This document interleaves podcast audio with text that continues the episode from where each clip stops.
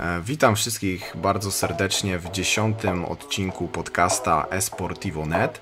E, dzisiaj porozmawiamy sobie z moimi gośćmi o karciankach we sporcie.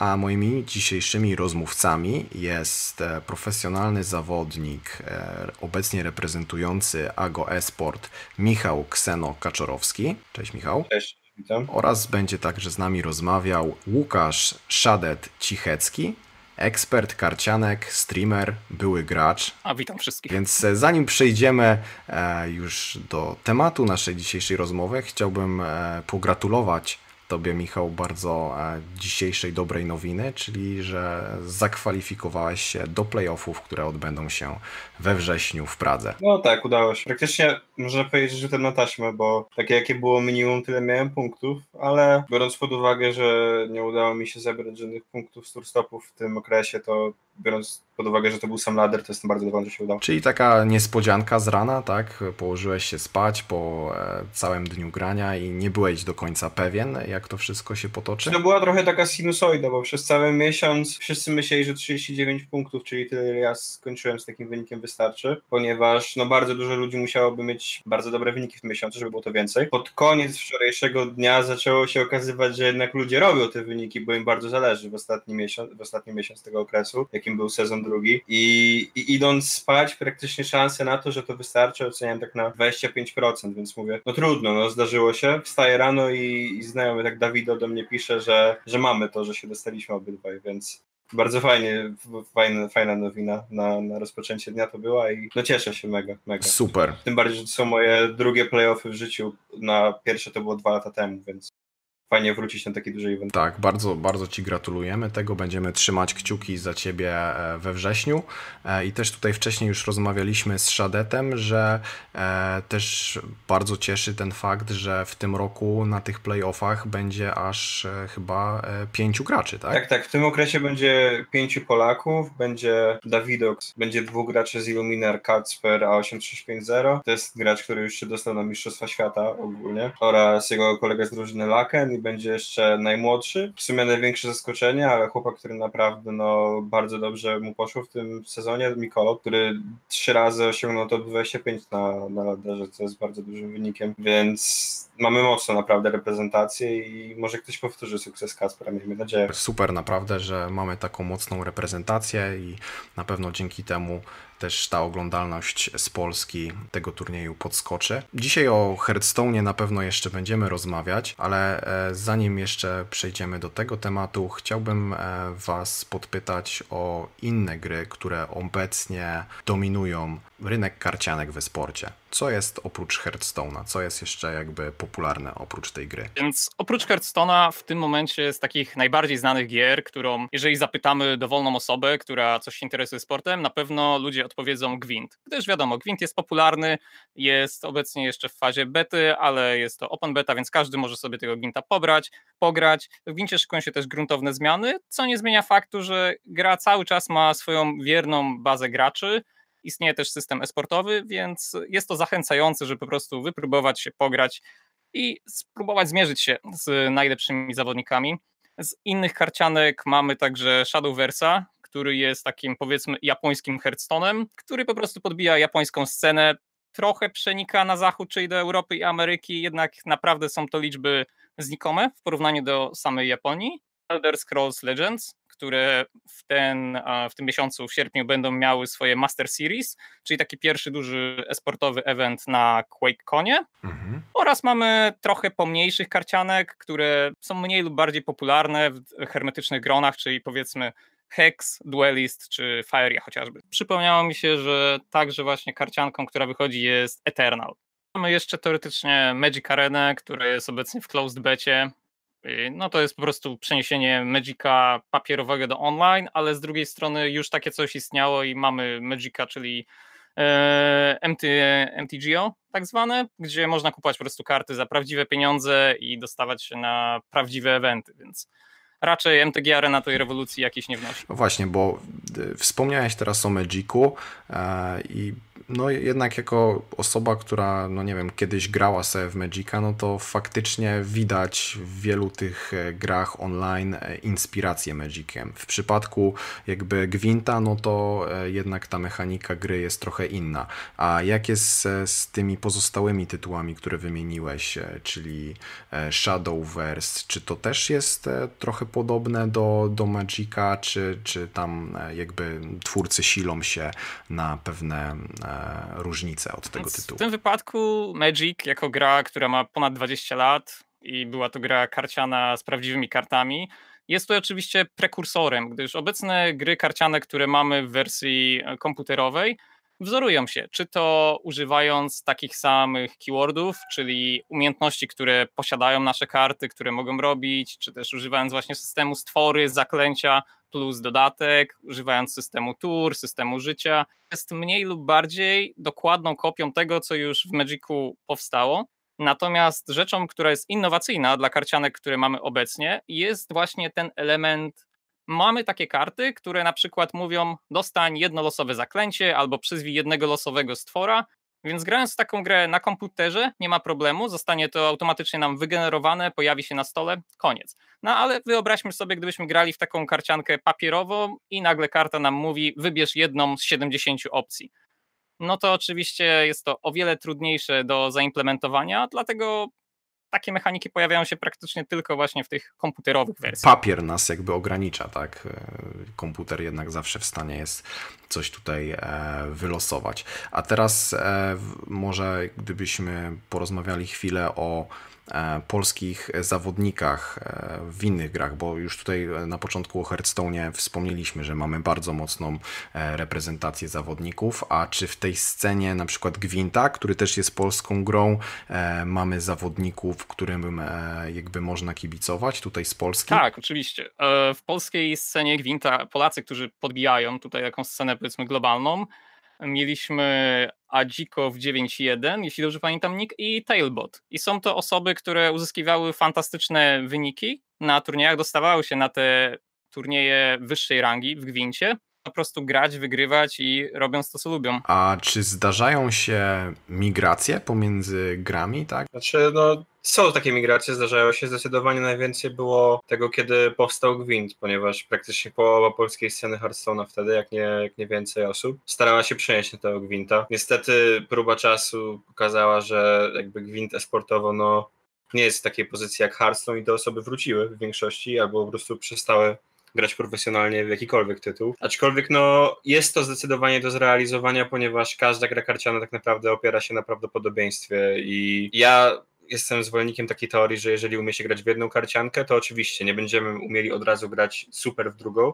Gdybym ja na przykład przeszedł się teraz z Hearthstone na Gwinta, nie byłbym jakimś geniuszem Gwinta, ale gdybym poświęcił dostateczną ilość czasu, mógłbym osiągnąć naprawdę fajny poziom, więc no, te gry są bardzo podobne, tak e, tak szczerze powiedziawszy. Każda gra mniej więcej ma ten sam swój taki pattern. A mimo, że poświęcasz dużo czasu, e, na pewno masę czasu na trening Hearthstone'a, zdarzało ci się czasami no, z czystej ciekawości pograć w inną gierkę, po prostu tak, żeby da, dać odpocząć głowie e, właśnie w Gwinta, czy, czy nie wiem, e, w, w Shadowversa? Znaczy, ja szczerze ani w Gwinta, ani Shadowversa, ani w inne takie gry to nie, nie zagrałem nigdy ani jednej gry, bo lubię grać w karcianki, ale lubię też robić inne różne rzeczy i poświęcając tyle czasu, ile poświęcam na Hearthstone'a, żeby grać to profesjonalnie, to jednak jak już mam ten czas wolny, to albo wolę zrobić coś, co nie łączy się z graniem na komputerze, a jeżeli już, to lubię sobie czasami w CSGO trochę pograć.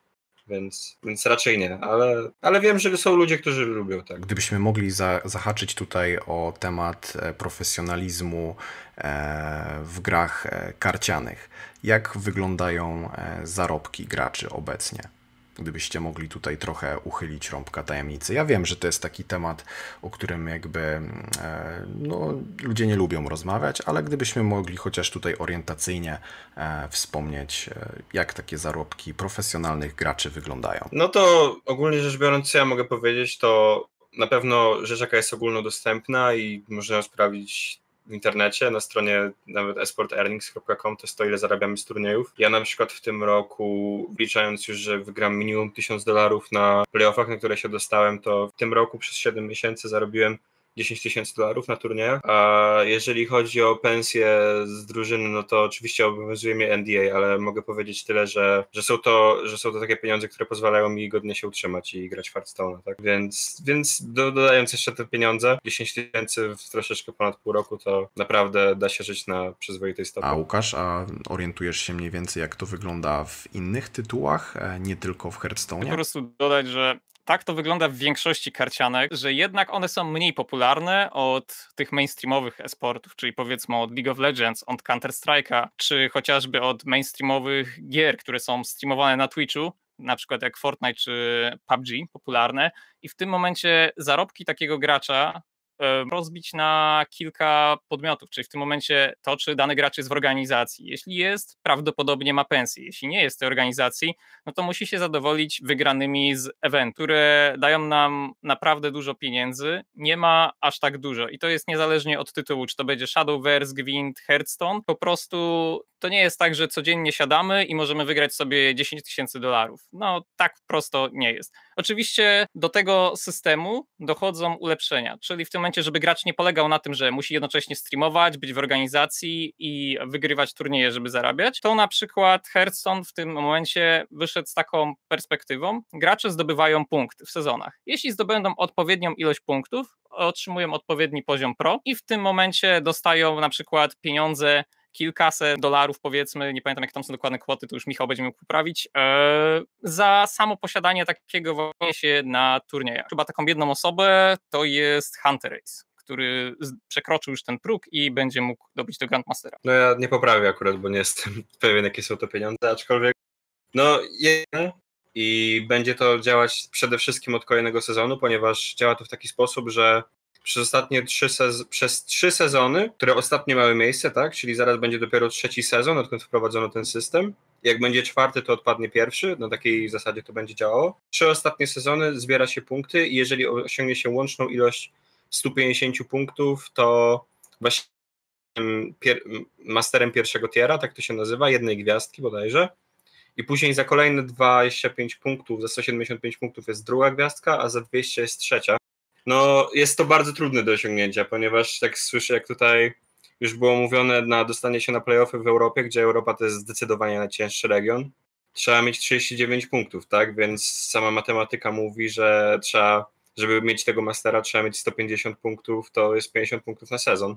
Więc takich osób w Europie w tym okresie było z 20. Poza Europą podejrzewam, że mniej niż 10. Więc nie są to duże liczby co do tych graczy, którzy rzeczywiście są wspierani przez, wspierani przez Blizzard. Aczkolwiek no, no są, tacy, są, będą tacy ludzie przede wszystkim po trzecim sezonie. Póki co mamy dopiero jedną taką osobę, Hunter Race'a, który jest liderem w zbieraniu punktów na całym świecie. Tak, e, jest, ma po prostu tych punktów najwięcej. Mhm. E, a jak już jesteśmy tutaj przy tym profesjonalizmie w, w grach, e, chciałbym tutaj zapytać, Jaka jest zasadnicza różnica między tą taką grą e, hobbystyczną, a już profesjonalną? I mam na, na myśli tutaj e, po prostu tryby, w jakich rozgrywane są turnieje. Czy, czy to są jakieś specjalne deki, e, czy są jakieś, e, nie wiem, specjalne klienty e, do gry inne niż te, które na przykład taki zwykły gracz Hearthstone'a jak ja, co sobie tam, nie wiem, raz w tygodniu e, zagra parę pojedynków ze znajomymi i tyle.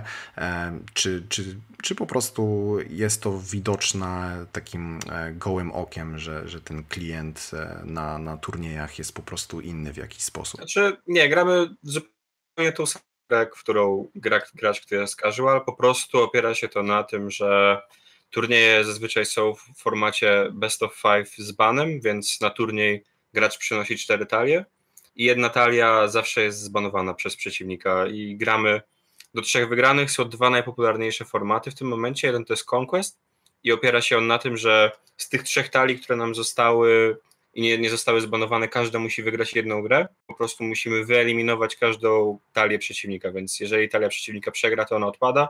I czym się różni tak naprawdę hobbystyczne granie od profesjonalnego? Wydaje mi się, że w Hearthstone właśnie zbieraniem punktów, ponieważ da się być powiedzmy hobbystycznym, takim półprofesjonalnym graczem, który jeździ na turnieje i nawet coś tam czasem wygra, po prostu grając dobrze w grę, aczkolwiek e, ze względu na to, że jest to gra, która opiera się też na prawdopodobieństwie i w pewnym stopniu na losowości.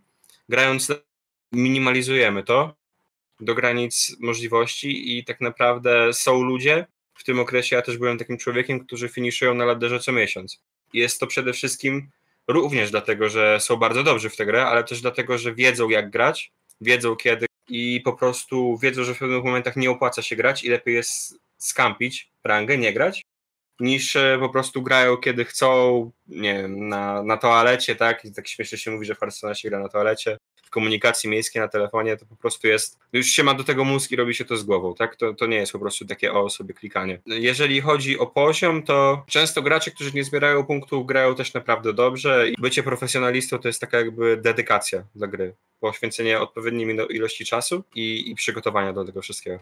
A powiedz mi, bo e, tutaj zaciekawiła mnie jedna rzecz, e, bo jak rozmawiałem na przykład e, z ludźmi, którzy grają bardzo dużo w pokera online, no to oni mi na przykład mówili, że no słuchaj, ja na przykład tam gram w określonych porach, bo wtedy na przykład jest większa szansa na wygraną. Czy tutaj też byś wskazał, że na przykład w Hearthstone, nie wiem, lepiej ci się gra w, na przykład w jakichś określonych godzinach, e, czy, czy są tego typu też strategie w Hearthstone? Znaczy tak, nie aż w takiej skali, ale ze względu na to, że na przykład gra, właśnie będąc już tym profesjonalnym graczem i zbierając punkty, zazwyczaj gra się na przynajmniej dwóch serwerach. Ja gram na trzech serwerach, czyli na europejskim, azjatyckim i, i amerykańskim.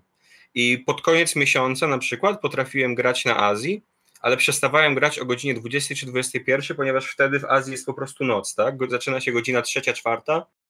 Wiadomo, że nazwijmy takie komputerowe świry, w większości lubią sobie posiedzieć do trzeciej, ale no to już jest taka graniczna godzina powiedzmy w przypadku większości ludzi.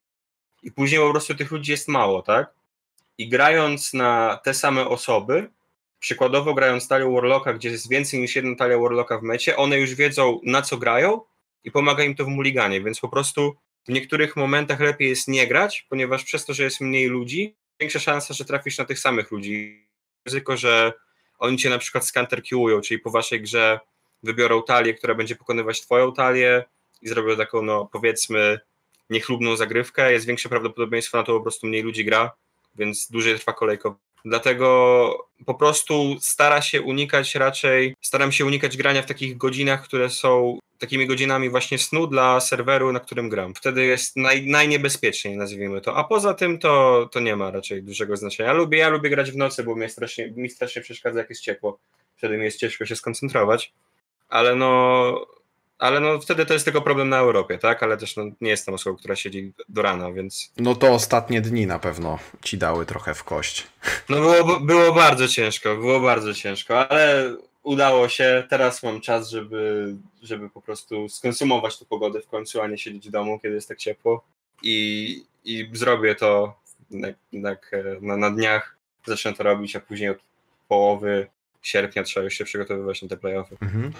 E, tutaj jeszcze e, miałbym pytanie do Łukasza odnośnie e, treningu w karciankach, czyli e, wiem, że masz doświadczenie z e, nawet udzielaniu treningu e, osobom trzecim.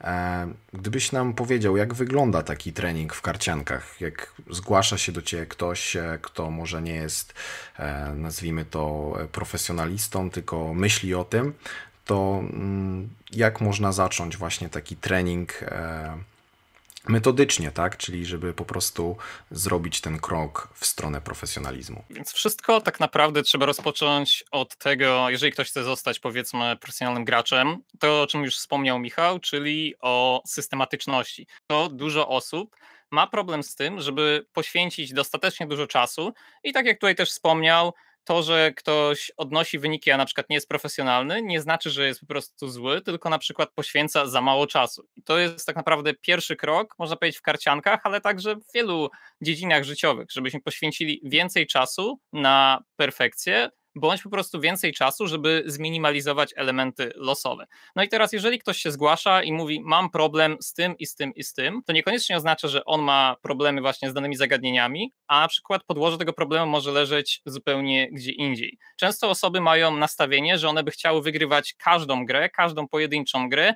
i denerwują się z każdą porażką. Chociaż jak wiemy, w karciankach istnieje ten element losowy.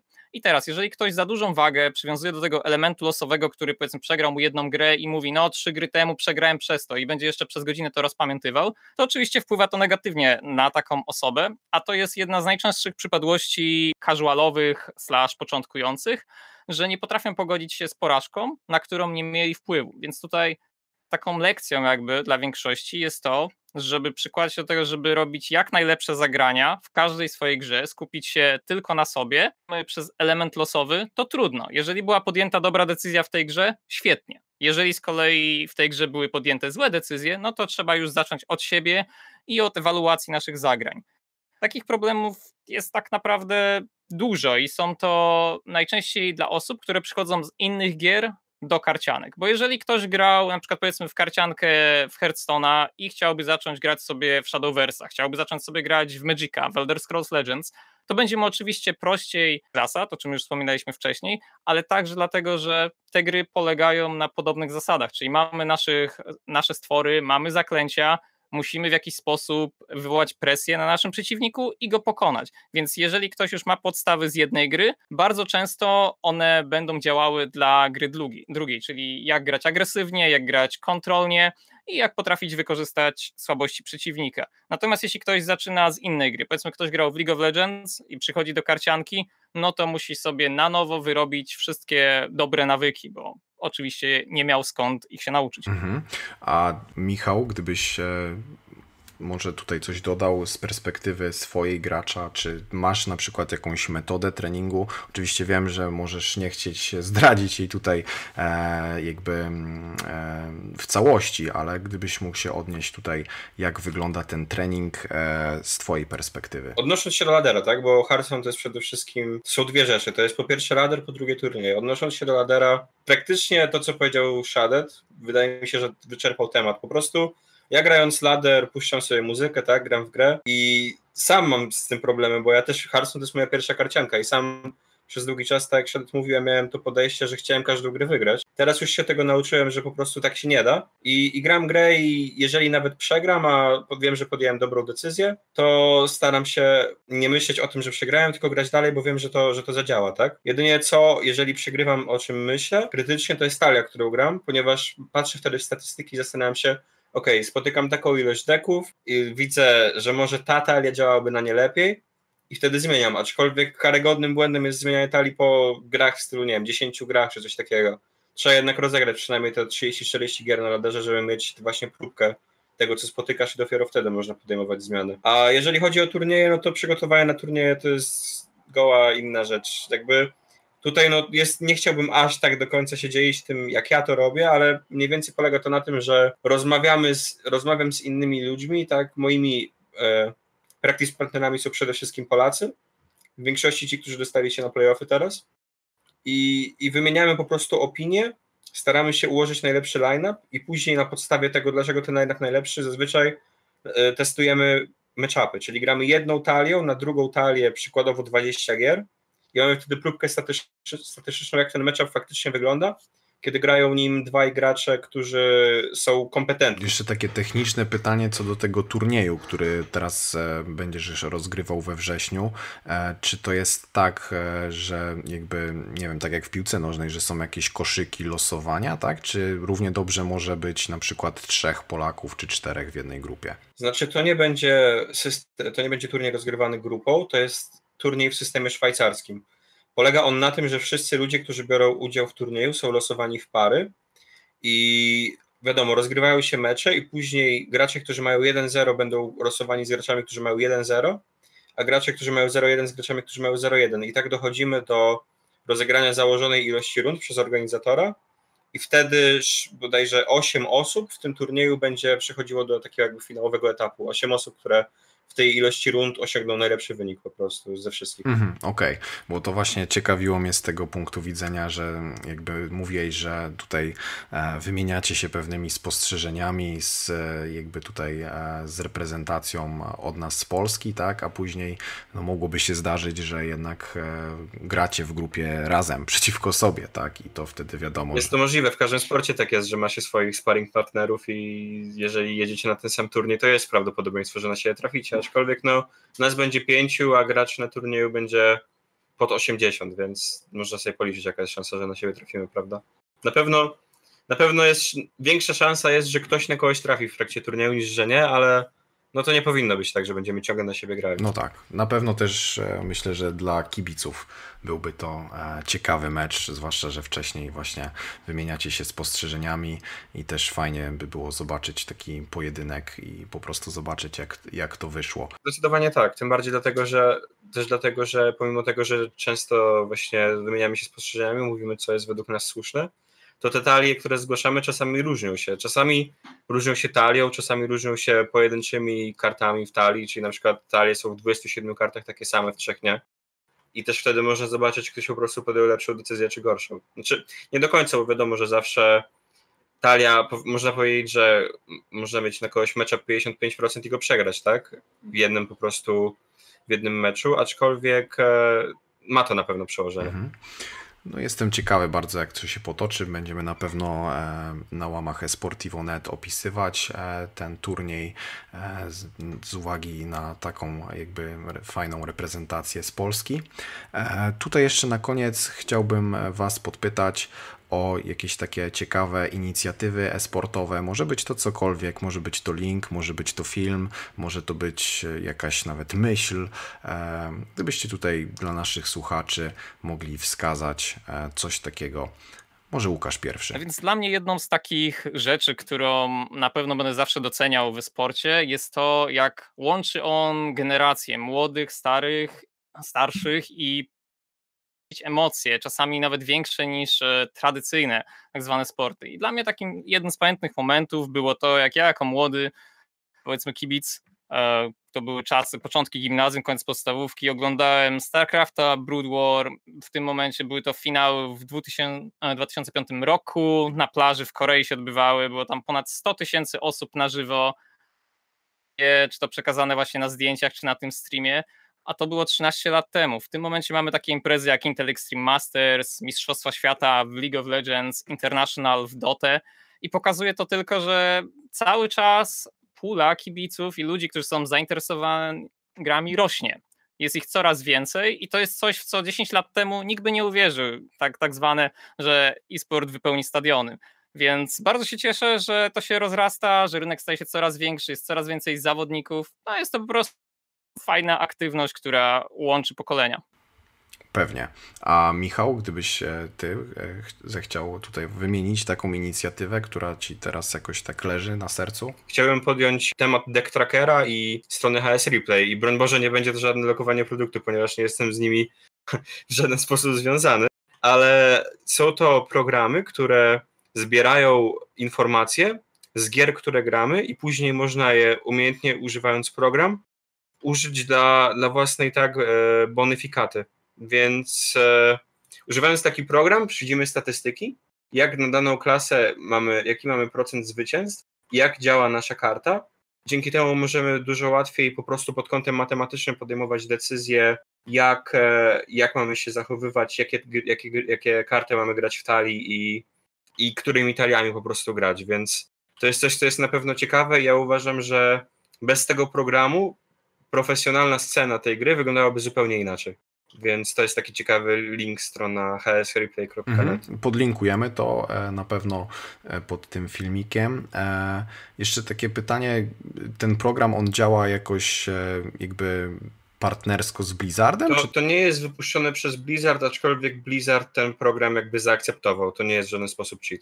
Tylko on jest zabroniony na turniejach lanowych, tak? Na turniejach offline, na większości jest zabroniony aczkolwiek nie ma żadnego, nie ma żadnego zakazu czy do grania tego system ladera, czy nawet turniejów online w zdecydowanej większości. Mhm.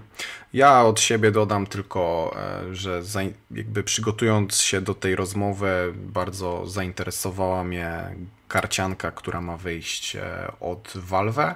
I tutaj jakby pod nagraniem umieszczę wszystkie linki do Reddita i do paru innych jeszcze miejsc, gdzie po prostu możecie przeczytać o tej grze i oczywiście zobaczyć krótki gameplay, e, który został wypuszczony e, w kwietniu tego roku. E, bardzo dziękuję Łukasz, Michał za przyjęcie mojego zaproszenia do podcastu. Tobie, Michał, życzę wielu e, sukcesów, e, nie tylko w nadchodzącym turnieju, ale w ogóle w, w całej karierze. Dziękuję. A Łukasz też, e, też dzięki za przyjęcie zaproszenia i życzę powodzenia w poszukiwaniu teamu bądź organizacji w Shadowverse. Dzięki. From my soul.